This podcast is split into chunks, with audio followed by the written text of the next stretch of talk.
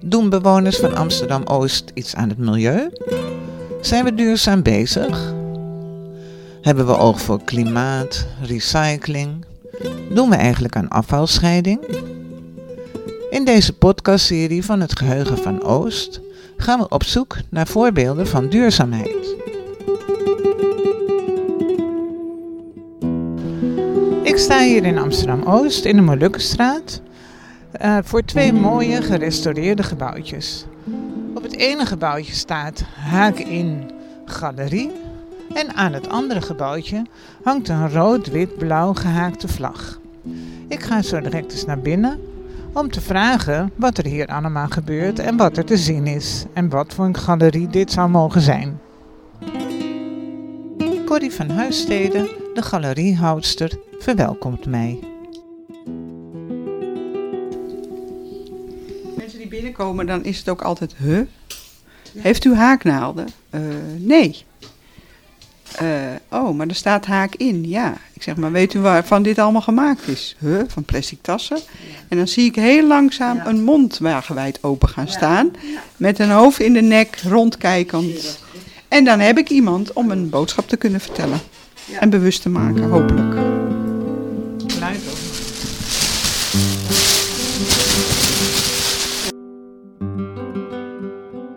Corrie geeft vandaag een workshop aan drie deelnemers.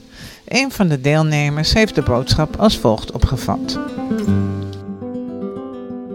Nou ja, ik zeg het gaat natuurlijk om het afval. We kunnen natuurlijk allemaal onze rol uh, uh, vuilniszakken hiermee naartoe nemen, maar dat is natuurlijk niet de bedoeling. Het gaat om het afvalmateriaal, wat mensen weggooien. Al die plastic tasjes die we niet meer gratis krijgen, maar nog steeds kopen. Of die kleintjes, ja, die, die worden toch nog wel vaak weggegeven in winkels, merk ik.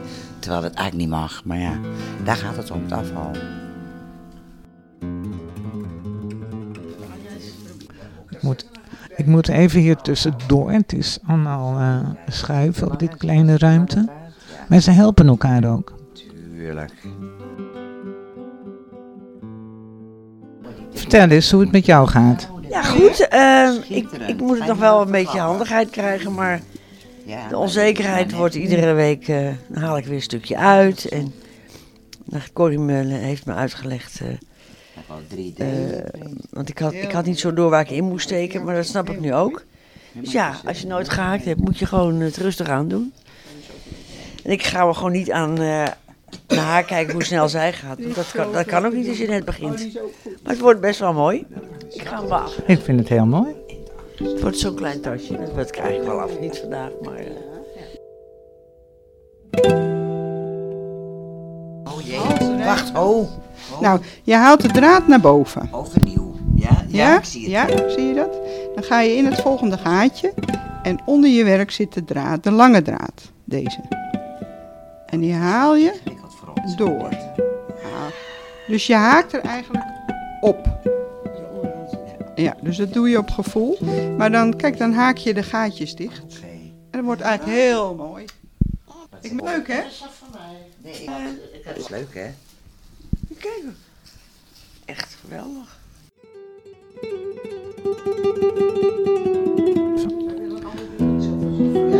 Jij wilde ook iets anders doen met het, uh, het gegeven hier van haak in en plastic. Ja, ik ga naar, binnenkort naar Kaapverdië voor een langere tijd. En uh, daar is echt zoveel plastic. En uh, bij elke boodschap, al is het nog zo klein, geven ze al een plastic zakje mee. En uh, gelukkig, het is niet zo dat het allemaal op straat terecht komt of op het strand of zo. Maar het, is, het komt wel in, in de vuilnis terecht. En er wordt gewoon niks mee gedaan. Dus ik ga daar een, mee aan de slag. En om daar ook iets te doen te hebben. En de lokale vrouwen toch ook aan het werk? De lokale vrouwen aan het uh, werk, hopelijk aan het werk te zetten. Want die, dat is eigenlijk uh, mijn uh, doel. Dus daarom ben ik een beetje stil en probeer ik heel hard te werken. Want over drie weken vertrek ik. Dus ik moet zoveel mogelijk leren. nee, ik heb vroeger heel veel gehaakt en zo. Maar niet met plastic. Dus ik vind het wel heel leuk om te doen. En ik wil allerlei gebruiksvoorwerpen gaan maken. Wat ze ook kunnen verkopen, zodat ze ook een soort inkomsten pannenlappen. kunnen.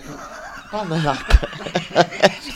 Onderzitters, hè? Hete pan erop. Ja. Nee, maar tasjes, brillenkokers, portemonneetjes, uh, gewoon boodschappentassen, weet je wel. Dat ze niet meer één stevige boodschappentas hebben, dat ze die dan meenemen. Of picknicktassen of een picknickkleed wat ze op het strand kunnen leggen en waar ze op kunnen zitten. Er zijn er honderd, honderden mogelijkheden. Ik voerde een telefoongesprek met een van de deelnemers van een paar jaar geleden. Zij vertelt enthousiast hoe heerlijk ze het vond om te komen haken bij Corrie. Gezien daar dus een workshop gevolgd hebben, heb ik ook gedaan. Ik geloof dat ik er twee heb gedaan. Ja.